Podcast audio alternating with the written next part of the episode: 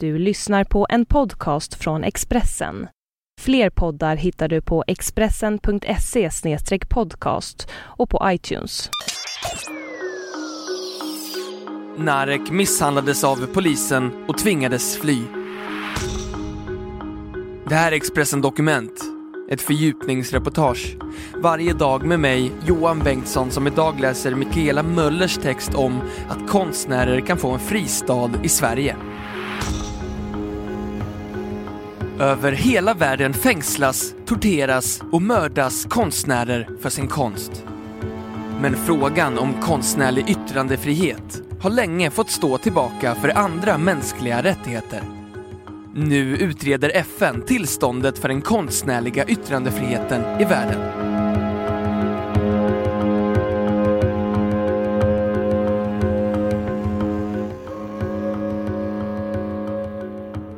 En dag knackade på dörren hemma hos konstnären Narek Agajanian. Det var polisen som beslagtog familjens pass. Dagen därpå knackade på igen. Den här gången klev tre anonyma män in i hemmet, misshandlade Narek medvetslös och förstörde hans konstverk. Tavlorna som legat till grund för misshandeln var tio abstrakta målningar dedikerade till de tio offer som dödats vid en massaker på gatan i Jerevan den 1 mars 2008. Massakern kom från polis och militär under en stor folklig protest efter presidentvalet och har blivit en känslig fråga i Armenien. Ingen har ännu ställts till svars för de dödade. Det var inte första gången Narek misshandlats för sin konst. Han hade tidigare misshandlats så svårt av polisen att han fått njurskador och kissat blod. Tillsammans med sin fru lyckades han fly till Sverige med falska pass. Och fem år efter gatumassakern står han i en ateljé i Mehedeby norr om Tierp. Framför tio nya målningar tillägnade vart och ett av offren. Jag talar genom mina färger, det är mitt sätt att kommunicera. Men det uppskattades inte av den armenska regimen, säger han. De expressionistiska minnesmålningarna är som färgexplosioner på duken och bär titlar som refererar till massaken. Den armenska polisen har fortsatt att söka Narek sedan han lämnade landet. Men i Sverige har Migrationsverket gett honom avslag att stanna. De förstår inte hur min abstrakta konst kan vara politisk, säger Narek Agajanian. Den svenske journalisten Arne Rut, tidigare kulturchef på Dagens Nyheter och Expressen, har engagerat sig i fallet och skrivit flera artiklar där han ifrågasätter Migrationsverkets beslut att neka Narek asyl. Enligt honom finns det sakfel i deras motivering. Migrationsverket menar att det inte går att bevisa att de tre männen som misshandlade Narek hade något med regimen att göra, vilket är fullständigt bisarrt. Att det som hänt inte skulle ha en politisk koppling är befängt, säger han. Migrationsverkets tillförordnade rättschef Fredrik Beijer kan inte uttala sig specifikt om fallet Narek eftersom det är sekretessbelagt men säger att asylsökande konstnärer i allmänhet bedöms på liknande sätt som politiskt aktiva. Vi måste ju göra en bedömning om det här är något som myndigheterna i hemlandet reagerar på. I Nordkorea kanske allt som inte är direkta direktiv från myndigheterna ifrågasatt. Men ofta är det inte lika svart eller vitt, säger han.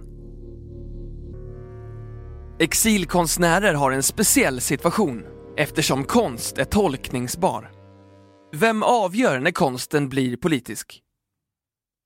Det är inte så att vi recenserar konstens allmänna värde, men vi bedömer faran och vad samhället kan göra med personen. Om vi tror att man med fog inte vågar fortsätta sitt konstnärskap i hemlandet så ger det skyddsrätt, för det är en rättighet att uttrycka sig, säger Fredrik Beijer.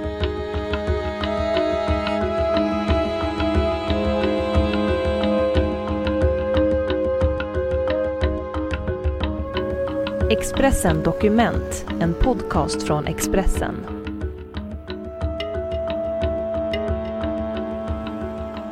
Ett annat aktuellt fall som uppmärksammats i Sverige är den iranske konstnären Meran Galedarizadeh som flydde hit efter att ha blivit torterad i hemlandet efter en utställning. Först ansåg Migrationsverket att hotbilden inte var tillräckligt stark och Meran skulle utvisas. Men hans advokat, Eva Haddadi, drev fallet vidare. Hon skickade in protester som utvisningsbeslutet hade skapat, material från hans utställningar och artiklar som skrivits om honom och hans fall i tidningen Konstnären för att övertyga Migrationsverket om att konsten var regimkritisk. Ärendet togs upp igen och nyligen blev det klart att Meran får stanna i Sverige. För de flesta svenskar, och även för personer från Migrationsverket, kan det vara svårt att förstå vad det är som retat upp en regim eftersom referensramarna för konst är olika. Tolkning av konst är ju ytterst individuellt och ibland personligt, säger Eva Haddadi.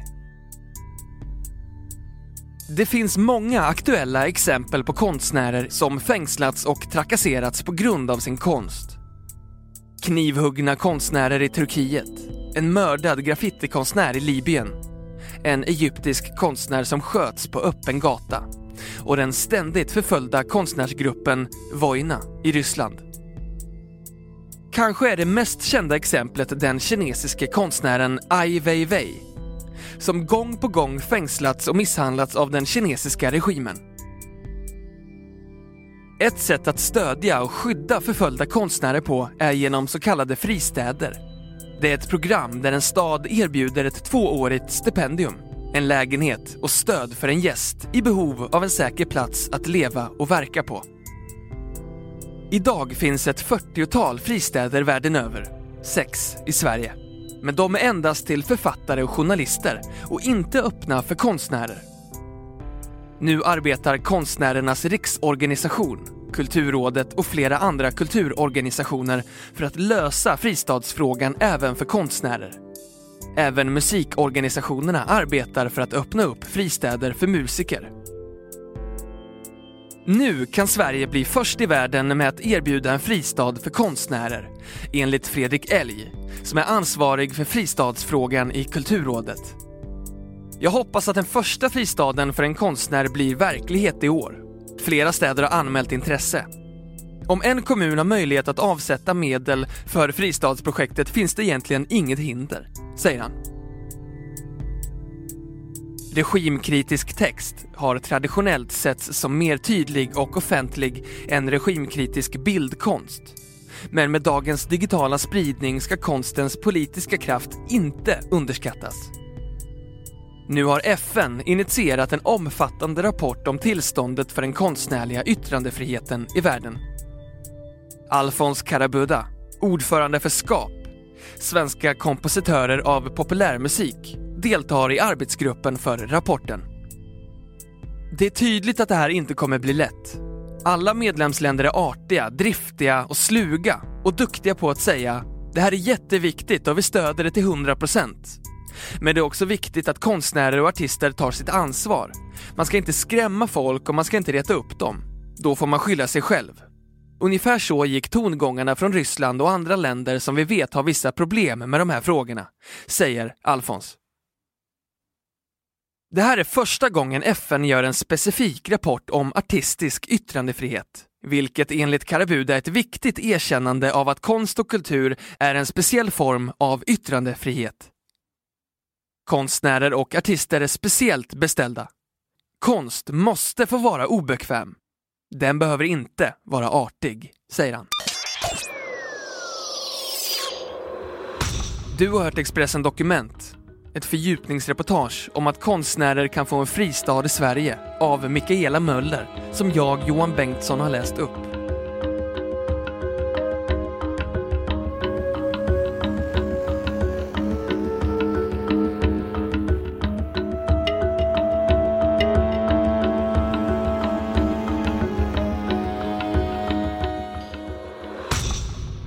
Du har lyssnat på en podcast från Expressen. Ansvarig utgivare är Thomas Mattsson. Fler poddar finns på Expressen.se och på iTunes.